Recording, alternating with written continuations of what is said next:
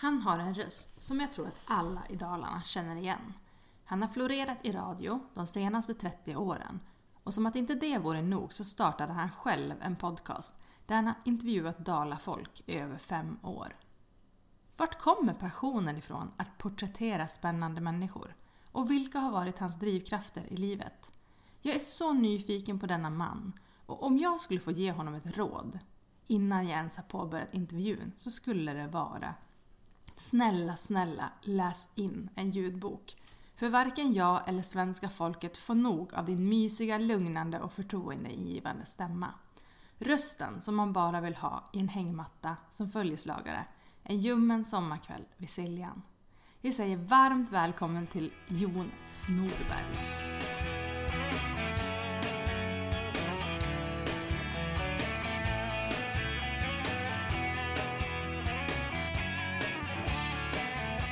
Tack ska du ha. Kul att du är här. Ja men det här var ju skönt. Vi sitter nere vid sjön. Vad sa du att den hette? Barken. Ja, det är inte Västman. Nej, det är Barken. Barken. Vi sitter nere vid bryggan här där ni har er båt. Exakt. Och jag älskar att du kommer in hemma hos mig och, och bara nej, det här är för dåligt ljud. Vi kan sitta ute istället. Ja, det blir mycket mysigare både för mig och ja, för den som lyssnar. Och man lär ju hela tiden verkligen. Och jag sa det tidigare till dig att jag har gjort fyra inspelningar i mitt liv och du har väl kanske gjort 44 000 inspelningar. Ja. Men ljudbok, vad tror ja. du om det? Ehm, jag tror att de flesta skulle ha svårt för eh, dalmålet. Ja men det är så här att eh, när jag började på radion en gång för länge sedan då var det ju rikssvenska som gällde. Mm. Och än idag så är det så att när man ska framställa en människa som är lite töntig mm. i någon tv-serie eller så. Då ska den här personen prata dalmål. För då blir man, är man lite töntig. Men är inte det rätt förtroendegivande? Jag har ändå hört att många reklamer vill ha dalmål för att just det säljer bättre och att det är mer, mer förtroende. Ja, på ett sätt. Det, det är ju lite sanning i det också faktiskt. För att när människor får värdera, gradera dialekter som de uppskattar så är nog um, Göteborgs dialekt och Daladialekt bland de som ligger i topp och även norrländska. Mm. Ja. ja, vi får väl se då om ja. det kan bli ett projekt för framtiden. Ja, det finns ju en del som läser in eh, ljudböcker som utspelas i Dalarna. Mm. Och då har man använt då kanske skådespelare med dalabakgrund. Mm. Jag tänker på Cecilia, vad heter hon? Ja. Från Falun. Ja, vad heter hon då? Hon som har varit med Fors. i ICA-reklamerna. Cecilia Fors. Ja. Mm. ja, men precis. Ja, vi får väl se om det... Skriver du en bok så kan jag läsa in den. Ja, om ålderdomen håller jag på med. Jag ska göra mitt bästa för att ja. uppfylla den. Men du, när du gick i pension så fick ju du en tröja hissad till fanfarer i direktsändning med ledorden legendar. Och det här vittnar ju om att det måste ligga enormt många timmar av kärlek och passion bakom ditt yrke. Så hur kommer det sig att du blev radiopratare med hela svenska folket? Ja, eh, jag blev, var inte radiopratare för en ganska vuxen ålder. Vad började du med då? Eh, jag utbildade mig en gång i tiden till bibliotekarie. Mm. Det var ju så när man växte upp, jag och många andra. Man visste inte vad man skulle göra här i livet. Mm. Jag hade liksom ingen tydlig dröm. Eh, jag hade läst ganska mycket böcker när jag växte upp. I ett hem som eh, mina föräldrar läste ingenting. Eh, men på något konstigt sätt så började jag läsa och, och fastna för det. Och läste mycket böcker. Och då tänkte jag när jag hade börjat plugga. Jag kanske ska bli någonting som har med böcker att göra. Och då är ju bibliotekarie ett av de yrkena som finns i den riktningen. Ja. Så det utbildade jag mig till i Borås. Gick där i två år. Och eh, sen när jag var färdig 1975 så fick jag direkt ett jobb i Borlänge min hemstad. Mm. Eh, Då var det ett halvtidsjobb. Men det tänkte jag, det passar mig bra för att jag kanske vill göra någonting annat också. Så jag började som barnbibliotekarie och eh, sen på den andra halvan så eh, började jag på att skriva för Borlänge Tidning och lite andra tidningar. Mm. Ehm, för det fanns väl också med lite kanske i bakgrunden det här med eftersom jag hade läst mycket så kanske jag också själv ville uttrycka mig Mm. i skrift. Men började du bara skriva eller ringde du någon tidning då? Jag ringde till, eh, han hette Hans-Erik Hellberg som var kulturredaktör då på Borlänge Tidning. Eh, han var ju också för, författare och skrivit många, många barn och ungdomsböcker. Mm. Och han sa, ja visst, du får gärna skriva. Han var väldigt eh, generös människa. Så att det började jag på att göra. Och sen gick det där hand i hand då. ehm, tills jag en dag kände att eh, ja, men nu vill jag flytta och göra någonting annat. Och så flyttade jag till Gävle och jobbade som bibliotekarie heltid då. Men sen medan jag bodde i Gävle så läste jag en dag i tidningen en platsannons. Man sökte en, som det hette, redaktionssekreterare på barn och ungdomsredaktionen i Stockholm. Mm. Jag visste väl inte riktigt vad en redaktionssekreterare gjorde. men det var på Riksradion. Och eh, jag tänkte, hmm, det där skulle jag vilja ägna mig åt. Och eh, jag sökte jobbet och efter några intervjuomgångar så fick jag det. Så jag fick flytta ner till Stockholm och började jobba i det stora gråa radiohuset ute på Gärdet. Och eh, redaktionssekreterare, det visade ju sig då vara att eh, man var chefens högra hand. Redaktionschefen på barn och ungdomsredaktionen Mm. där det var jag fick jobb då. Ehm, Så att det var ju mer ett administrativt jobb. Mm. Inte så kreativt. Inte på det sätt jag hade tänkt mig. Nej. För jag ville ju, när jag nu kom in på radio, ville jag prata radio och göra reportage Mm. och sådär.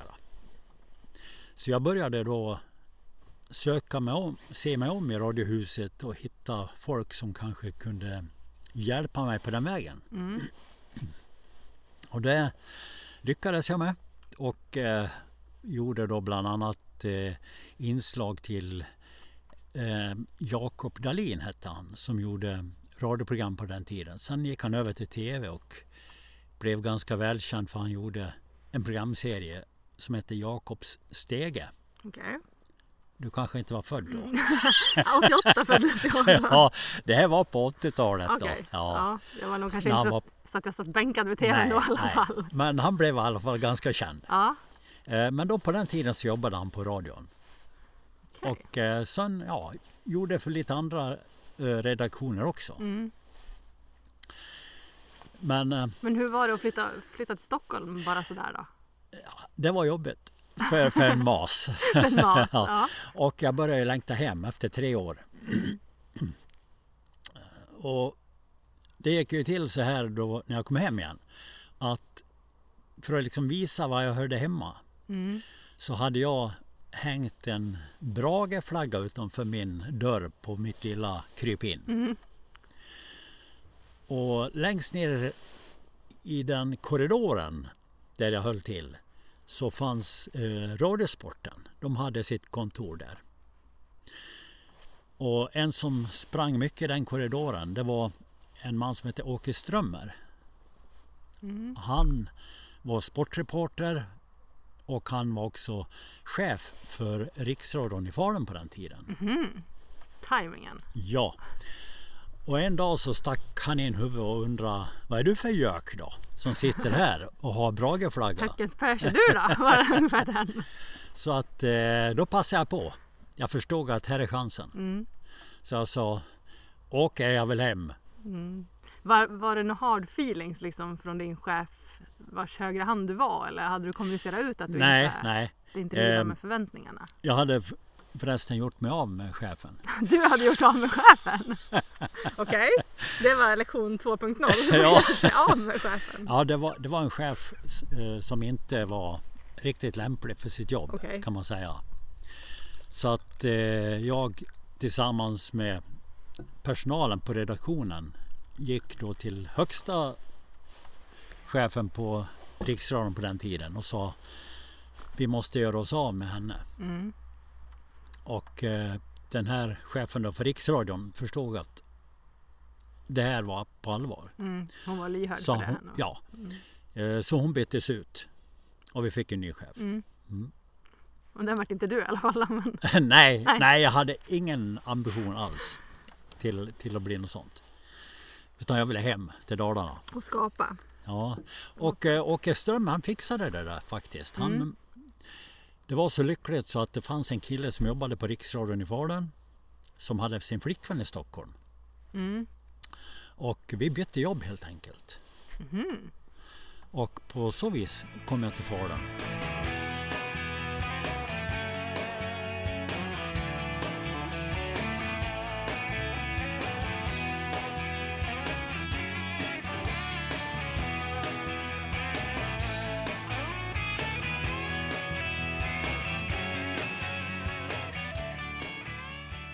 Var kommer det här drivet att porträttera människor ifrån? För att du har ju gjort otal intervjuer med folk.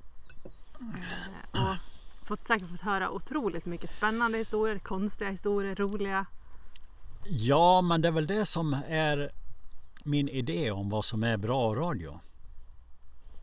Um, radion ska väl fungera ungefär som eh, man samlades tidigt i människans historia runt en lägereld och hörde andra människor berätta om eh, sig själva, upplevelser man har haft, vad man ville göra och så. Mm. Utbyte lärdomar. Liksom.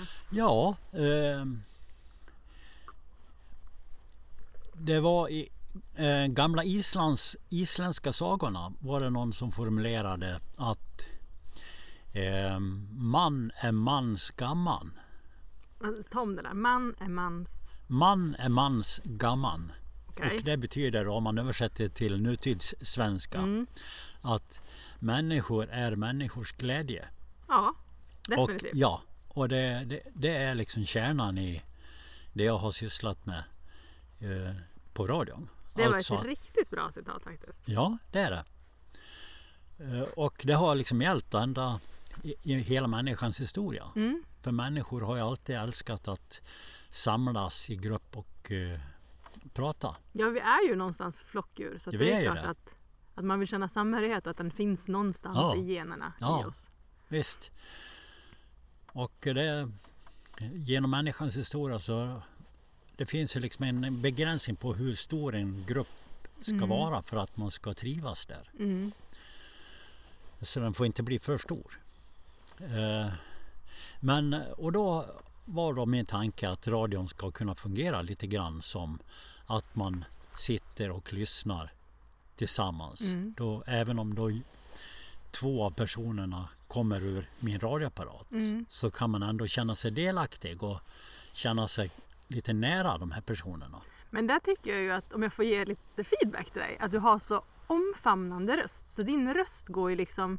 Jag tänker mig någon som sitter ensam, som kanske är äldre, eh, och lyssnar på radio. Så känns det ju som att du sitter bredvid den. För jag vet inte vad det är med din röst, men den liksom nästlar sig ut genom lurarna och sätter sig bredvid personen. Eller förstår du hur jag menar? Hur Ja, har du liksom... ja. Är det medfött det där eller vad? Har du övat upp? Ingen aning. här- Ingen aning. För det är liksom sån här mysfarbror-röst. Ja. Det är väl det att jag, jag försöker inte göra mig till. Jag har aldrig försökt eh, vara, låtsas vara någon annan än mig själv. Mm. Och människor kanske också hör på något sätt att han försöker inte göra sig märkvärdig eller så. Utan Ja. han är bara en av oss. Han är bara Jon. Ja, Så är det. visst. Mm. Ja, det är väldigt, väldigt fascinerande just med rösten också. Hur den kan gå rakt in hos en människa. Ja. Det gör den ju naturligtvis. Men det är klart att det är viktigt vad man säger också. eller hur? Den lilla detaljen. Ja. Ja, men har du liksom haft möten då som har satt pränt i dig? Eller hur? Är det något du... Eh, d- det är så här att att jobba på radion, det är ett jobb som vilket som helst. Och, och du, har, du jobbar inom vården. Ehm, de flesta människor är ju bara liksom en del av ditt jobb. Mm. Jag möter människor kanske under tio minuter Mm. och har då träffat tusentals människor naturligtvis som jag har eh, intervjuat och mött i olika situationer. Ehm, så att de man minns, det är sådana som man har haft en återkommande eh, relation till. Mm. Antingen att eh, kollegor som jag jobbat tillsammans med eller eh, utomstående medverkande som har varit med i ett program flera gånger så här. Eh, och, eh, det minns man ju en, en del av. Har du Men någon händelse som har som du kan tänka tillbaka på att Ja. du bara skrattar till eller liksom? Ja, något som jag brukar nämna som en sån här sak som har etsat sig fast. Det är ju från ett program jag gjorde som heter Sök och finn. Det Mm. finns ju fortfarande och Mm. jag gjorde det under ett antal år. Och då ringde en kvinna en, en gång och eh, sa Jag vill ha en kar. eh, jag hade ju sysslat lite med sånt där tidigare i en programserie som jag hade på 80-talet som hette Lust och längtan. Jaha, Mm. Och då fanns det ett inslag som hette Chans till romans. Nej, men det där har jag hört om faktiskt. Eh, Nu, dåtidens Tinder kanske? ja, det var det faktiskt. Eh, det var ingen som hade haft något sånt där tidigare i varken radio eller inte heller i tv förstås. Eh, men jag visste ju att det där kan ju fungera. Mm. Så att eh, när hon ringde då och sa att hon ville ha tag i en kar i, sö- i sök och finn så eh, förstod jag att jo men det här kan bli kul. Så att eh, hon eh, berättade om sig själv och eh, hon bodde förresten i Orsa Finnmark Mm. och eh, berättade vad hon hade tänkt sig för kar. Och hon fick naturligtvis ganska mycket svar. Var det så? Ja, visst. Hon lät så trevlig Gud. så. Återigen rösten som... Ja, visst. Ehm, och sen eh, provade hon på några av dem. Okej. Eh, har hon berättat sen. Ja. Då. Och eh, fastnade för en kar ifrån eh, Ludvika. Han var färghandlare i Ludvika. Mm. Och han eh, berättade i sin tur då att han hade noterat hennes telefonnummer på en bit tapet förstås. Förstås. och hade fastnat just för hennes röst. Ja, så hon flyttade till honom i Ludvika. Mm. Och där bor hon än idag. Ja, jag hoppas det. Jag, det var några år sedan jag hörde från henne men hon hörde av sig flera gånger Vad roligt. och sa att åh, underbart, tack Sök och Finn för att eh, ni har det här programmet. Det har gett mig ett helt nytt liv. Annars kan jag tänka mig att man kanske vill sälja karn på Blocket inte Ja, annonsera ja, efter en ny. Eller fruntimmer. ja då. Men vilka känslor vill du känna av livet härifrån och framåt nu då? För nu är du ju ändå pensionär och har dragit ner tempot lite Ja. grann. Eh, Hur vill du att livet ska se ut? Ja, jag vill att det ska se ut så här som det är just nu. Mm. Vi sitter Är inte det en här. skön känsla? Ja, det är en vacker höstdag. Solen skiner på oss och värmer. Och sen sitter jag och pratar med en trevlig människa. Ja, Det, som gör samma sak som du har gjort i fem år. ja, oavsett vad man pratar om Bakgrund. så, så eh, det kan vara vad som helst. Det behöver inte vara något märkvärdigt att man sitter och pratar med människor. Mm. Och sen vill jag vara... Det trodde jag inte, men jag vill inte resa. Är det Det, har jag tröttnat på. Mhm. Nej, den, den tror jag inte heller när man tänker på Nej. ålderdomen. För man tänker att jag har all tid i världen. Då ska jag Ja. resa och njuta, uppleva, äta. Det, det var väl min tanke också med- när jag eh, skulle gå på pension att jag kommer att resa Mm. nu när jag har tid. Nej, jag vill sitta hemma i min trädgård. Mm. Gå och pyssla i trädgården. eh, sköta mina odlingar. Lunken, fast i en, i en annan form bara. Jag känner att jag har paradiset utanför min dörr. Gud vad underbart Ja. att känna så. Ja, Så önskar jag och tror jag att hoppas att fler människor kommer att känna och kan, kan komma att känna. ja, Eh, för det finns så mycket fint utanför dörren. ja. Alltså om man bara öppnar ögonen och ser på, det här låter jättecheesy, men kollar på de där lingonen som är alldeles klarröda. Smakar på dem, känner. Alltså om man stannar upp en liten stund så kan man också se att det finns faktiskt allt man behöver. Precis runt knuten, vart man än är. ja. Just när du säger lingon så kommer jag att tänka på att vi var ute och plockade lingon här i fredags. Mm. Jag och min fru. Och eh, då känner jag att jag skulle kunna gå och plocka lingon varenda dag. Ja. Det, det, det väcker någonting inom en det här med att plocka bär, Mm. att plocka svamp, att samla. Ja, det, det är liksom gamla gener Ja. som väcks till liv och man känner att åh, det är det här det går ut på. Ja men man blir ju lite, lite nörd på så sätt, i alla fall jag. Jag kan ju typ bli lite manisk när jag börjar, börjar få känna att jag samlar på mig. Alltså Ja. bygger ett lager inför vintern, nästan som en Ja. liten hamster. Det är som tillfredsställande känsla. Visst. Och det är de gamla samlargenerna vi har Ja. i oss. Det tillbaka till lägerelden, sitta och Ja. prata och umgås. Så I enkelt någon är det. formation liksom. Ja. Ja, men är inte det helt underbart att få Jo. känna, få känna något så? det är det. Det har jag ju upptäckt genom livet att alla vill lämna efter sig. Om man, kan, man kallar det lite storslaget att man vill lämna efter sig ett monument. Mm. Men det behö- behöver det ju inte vara. Det behöver inte vara ett, någonting du bygger så.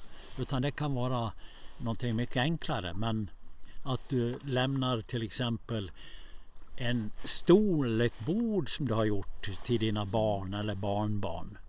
Så att du blir, blir ihågkommen. Mm. Eller kanske att du skriver en bok eller en berättelse om dig själv och ditt liv. Som dina barn eller kanske framförallt barnbarn skulle tycka att det var roligt att läsa. Mm. Det tycker jag, det skulle jag vilja tipsa. Kan väl du skriva den boken om dig? Eh, Och så kan du läsa nej. in den själv så vi har den där ljudboken då. Nej men jag tror att det skulle vara bra grej som man gör när man blir äldre. Att man skriver och berättar om sitt liv. Mm. I, både om bra saker och dåliga saker man har upplevt. Som man kan låta eh, barn och barnbarn få. Mm. Gå vidare Ja, arv. för de kommer, det kommer en dag när de undrar Vem var min morfar eller farfar eller mormor eller farmor? Ja, det är en otroligt fin Ja, tanke. Och, och då är det väldigt bra att man kan ha en sån skrift. Det behöver inte vara så märkvärdigt. Man kan skriva med sina egna ord. mm. Det behöver inte vara så fint så att man kallar det en bok. Utan bara att det finns något nedskrivet. Mm. Notiser och tankar. Ja, och det är också en form av monument då, Mm. i ett mindre format som man lämnar efter sig. Ja, för det är någonting som jag som du satte ord på, som jag har tänkt på men inte kunnat formulera själv eller sätta ord på. Att det finns nog en längtan hos de flesta, att, precis som du säger, att ha varit någon här på jorden. Att ha Ja. satt spår och avtryck på Ja. något sätt hos någon. Just det. För det tror jag är en drivkraft hos alla. Att man, det ska, man ska göra som du säger ett avtryck. Det ska, Mm. Man vill göra någon skillnad som man brukar säga numera. Och ha påverkat jorden på något sätt när Ja. jag väljer att lämna Ja. den. Mm. Så att eh, det tycker jag att vi kan ta med oss. Verkligen, det var ett otroligt bra tips.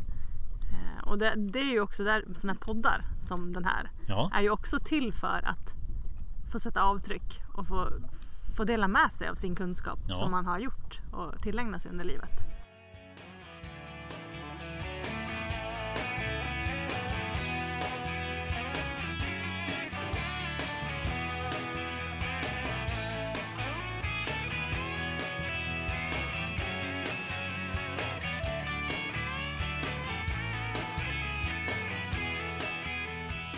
Har livet varit rarigt om man får säga så? Eller har det varit någon stund, händelse som har påverkat dig mer i livet? Som du kan känna att det här var jobbigt då men det lärde mig någonting? När jag växte upp i Borlänge um, så var jag väl inte Guds bästa barn kan man säga. Okej, okay, Nej. Um, jag var ju med i ett gäng. Vi gjorde lite inbrott och sådana här saker. Mm. Sniffade tinner som var den tidens eh, knark innan, ja. innan... Är det inte Nationalteatern som sjunger om det till och med? Kanske det. Ja. Uh, och det var så, jag satt till och med hemma i mitt, på mitt rum eh, och sniffade tinner. Men. Ja, det, det blev kan lite... man inte tänka sig. Mm. Nej, Nej, men så var det. så var det. Ja. Um, och så mitt, utanför fönstret i mitt rum så hade vi vår balkong på huset där, där vi bodde. Mm. Och en dag så såg jag min mamma stå på balkongen och titta på mig när jag satt där inne på rummet och, och sög tinner ur en trasa. Ja.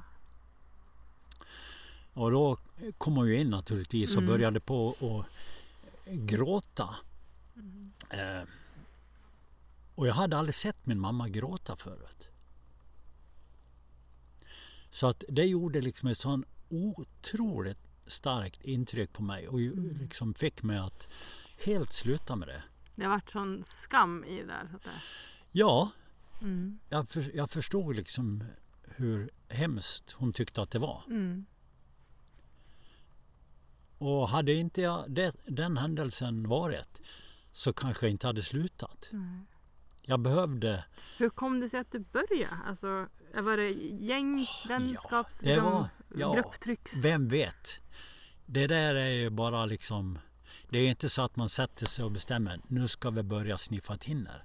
Utan det är ju liksom massa små händelser Ja. som bidrar till sånt Mm. här. Men jag tänker det är ju också en form av att man halkar in i sådana banor kan ju också vara en form av eh, samhörighet.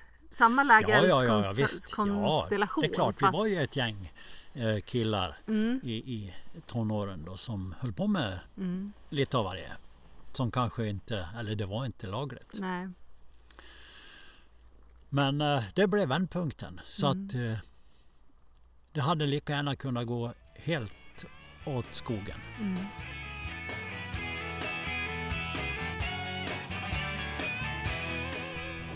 Om du fick blicka tillbaka på ditt liv då och ge dig själv ett råd i lite olika åldrar. Om vi börjar med, vad hade du velat sagt till Jon, 30 år? 30. Mm. Ja du. Eh.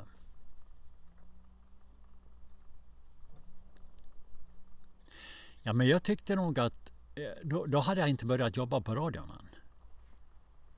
Då var jag, när jag var 30 år så jobbade jag som kultursekreterare i Tierps kommun. Du har varit många Det var också, olika det, yrken. ja, det var också en period. Och ehm, då skulle jag nog säga till honom, åk hem från Tierp. Ja, det, det, var, det var ingen bra tid i. Tierp. Nej, På ehm, vilket sätt? jag, jag blev liksom isolerad kan man säga. Mm. Han aldrig få några riktiga vänner i Tierp. Mm. Jag var där i ett år. Och eh, ja, det var ju liksom jobbet som var allt då. Mm. Det kan jag uppleva att det är svårt för jag är ju inte från Smedjebacken utan jag är från Västerås egentligen. Och jag kan känna igen mig i den att det är svårt att komma in i en liten stad faktiskt. Ja, det, jag tycker det är svårt oavsett om det är en stor eller liten stad. Men kanske i en större stad så finns det fler ställen där man kan gå och träffa människor. Ja men så tänker jag att det är fler som sitter i samma båt i en större stad än i en mindre stad. Ja, och då kan man gå någonstans Ja. där, där man kan träffa dem. Och lika, lika så att många i en mindre stad är ganska nöjda med sin vänskapskrets som de har. Eh, och det kanske finns lite rädslor för att släppa in en ny. Att hur påverkar det här den trygga formation som vi har? Det är i alla fall min upplevelse då för Ja. tio år sedan när jag började komma in eller flytta in här och, Ja, och göra mig hemmastad. Eh, så ja, jag kan i alla fall känna igen mig. ja visst. Så att eh, det var väl en, en, ett jobbigt år. Mm. Så därför skulle jag nog säga till Jon 30, åk hem. Åk hem. Jon 40 då. Från Stockholm, åk hem. Nej men då hade jag ju flyttat hem. Då hade du flyttat hem Ja, när, jag, Ja. när jag var 40. Mm. När jag var 40 så var jag nog eh, ganska så mycket inne i mitt jobb. Eh, Eh, hade, tyckte jag då, eh, framgång. Ehm, för det här var ju då eh, när jag hade jobbat något år på Riksradion. Och de program som jag gjorde gick bra. Ehm, och jag fick uppskattning uppmärksamhet. Tyckte att livet lekte. Jag träffade min fru. Eh, vi fick barn. Ehm, så att jag fick barn sent kan man Mm. säga. Fast eh, även om då min fru hade två döttrar med sig in i familjen så att säga. Mm. Så jag skulle nog ha sagt då kanske till Jon 40 varva ner lite. För jag var Ja. ganska uppe i Det var en bra Högt- spinn liksom. högt varv då genom Mm. att det var en, en, en eh, spiral av uppåtgående spiral. Mm. Men det är svårt. Alltså för den Ja, kan jag känna att jag brottas med och jag kan veta andra som också gör Ja. detsamma. I att när man är någonstans där 30, 40, mitt i, Ja. mitt i liksom. ja, Då ska man liksom hinna med så mycket som möjligt. Eh, det är väldigt kul mycket saker också som sker. Man påverkar mycket själv och man känner att man kan påverka riktningen själv. ja. Så att då bromsa när det är som roligast, det är en Nej. jättesvår Ja. ekvation. Och eh, nu, just nu så tänker jag att jag tolkar din fråga fel också. Så här. För när du säger vad skulle du ha sagt till Jon 30 eller Jon 40? Mm. Då tänker jag att jag skulle säga någonting så här att gör inte så. Eller hur? Det är så Mm. man tolkar en sån fråga. Ja, men det, Men jag skulle hellre vilja säga eh, Ja men du är på rätt linje, fortsätt.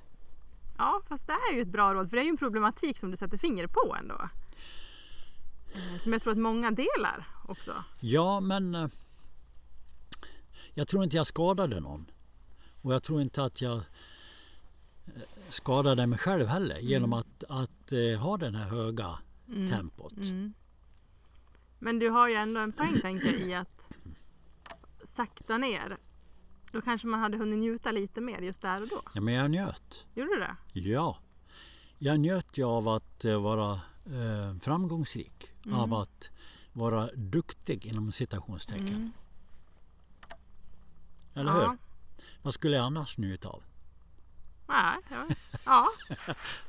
Ja, det blir, det blir stort när man vänder på det sådär. För det är ju... Ja, då kanske man inte behöver sakta ner. Då kanske man bara Nej, kan nej, springa ju- på så länge man njuter. Då. Ja, det var ju sånt jag uppskattade. Mm. Jag kan ju inte njuta av no- in, någonting som jag inte uppskattar vid den tiden. Nej. Jag menar, jag uppskattar ju inte samma sak då som jag gör nu. Mm. Eftersom livet och jag förändras. Mm. Ja, Jag gjorde det som jag tyckte var roligast av allt. Och sen tänker jag att det kanske är, nu utgår jag från mig själv, men kontrasterna. För det kan jag gå igång lite på. Kontrasterna av att få springa fort en stund och sen få pausa en stund. Ja, Där man vet att ena veckan kan vara smäckfylld och den andra kan man vara ute och plocka lingon. Den tycker jag är ganska härlig. När man, men det är väl säkert friheten i att få styra själv. ja, ja visst. Mm, Mm. stora tankar ändå. Ja, men jag har ju haft så roligt jobb hela tiden så att jag har ju liksom aldrig mått dåligt av det eller tyckt att åh, så måste jag gå till jobbet idag. Varje, varje dag har ju varit kul på olika sätt. Mm. Så du har liksom haft ett tydligt syfte att ta dig ur sängen varje morgon? Jajamän. Det är ju också ganska Jag beundransvärt. har varit och är väldigt privilegierad måste jag medge. Det inser jag ju. Mm. Ja, och har du alltid sett dig själv så? Hej. Hej hej! Tjena! Jaha. Ja. Och sitter ni och intervjuar varandra? Ja, Ja. visst. Det får du lyssna på sen. Vi har en liten podcastintervju. Får du lyssna på intervjun som skedde på Rånesberga. Ja, Ja, Okej. ja. Hej. Hej, Hej hej. då! Ha en fin förmiddag!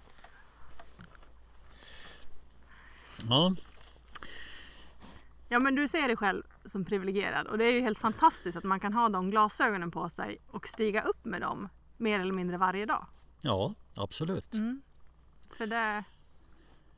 Hur gör man för att ha den mentaliteten? Det är världens svåraste fråga Ja. säkert. Nej, men till att börja med så måste man ju vara privilegierad. Eller hur? Det är svårt att vara, att ha, den, ha den attityden om man mår dåligt och eh, Mm. känner att livet har inte blivit det jag ville. Mm.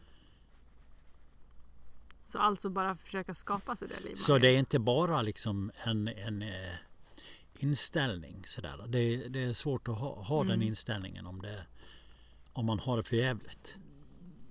Mm. Fast jag är lite så här, jag tänker att även om man har det för jävligt så finns det några ljusglimtar där också. Så om man fokuserar på dem så borde det komma fler av dem. Ja, kanske. Alltså så vill jag tro att det är i alla Ja, fall. okej. Lycka till. Tack! jo men om man har gått sig själv och man har mått dåligt under perioder. Ja, Då vet man ju också att man är ganska duktig på att dra ner sig själv i en Ja, nedåtgående spiral. ja. Och kan man dra ner sig själv så måste man ju också rimligtvis kunna dra upp sig själv. Ja, eh, eller få hjälp att göra det. Ja. Men eh, många gånger så kommer man ju över de här tunga perioderna också. Mm. Ja, jag tror i alla fall att mycket, mycket som man matar sig själv med och matar sinnet med gör stor skillnad för, för hur man mår. Ja, Vilket håll man styr sig åt. Ja, Men ja, absolut, visst. det där kan man, kan man Ja. dividera i all Ja. oändlighet. men eh, mitt recept för att fortsätta må bra det är ju faktiskt att vara aktiv. Mm. Eh, både mentalt och eh, fysiskt. Jag tror att grunden är att man är fysiskt aktiv. Mm. Det gick en man förbi här alldeles nyss då och han eh, bidrar ju till att, att hålla sig eh, pigg även i huvudet. Mm. För Oh, eh, blir man stillasittande då såsar man ihop i skallen och Mm. då mår man inte bra. Nej, Så att det verk, hänger verkligen ihop alltså kropp och själ om man kallar det så. Mm. Det gör det definitivt, att förhålla sig vid i god form. Och då Ja. får man också en anledning att stiga upp varje morgon. Ja. För har man den där lite tunga känslan och sen så tar sig ut på en promenad så har man ju aldrig ångrat den här promenaden någonsin. Nej, visst är det så. Så ja, det är bra recept. Jag tänker att vi kanske ska börja avrunda lite. Ja, det är väl tid. Ja. eh, men jag vill tacka så jättemycket för att du ville vara med och kom hit igen. Vi träffades ju faktiskt då du var här för några veckor sedan och intervjuade mig. Ja, Eh, sen frågade jag om situationen kunde få bli den omvända. och så vart det. ja Och det är jag var jätteglad trevligt. för. Ja, vilken dag vi har här. Ja, så stort tack för Ja, det. Och Och tack för kaffe. du, det var så lite så. Så säger jag på återseende. Tack för att ni har lyssnat. Eh, ha det så gott så hörs vi. Hej med er!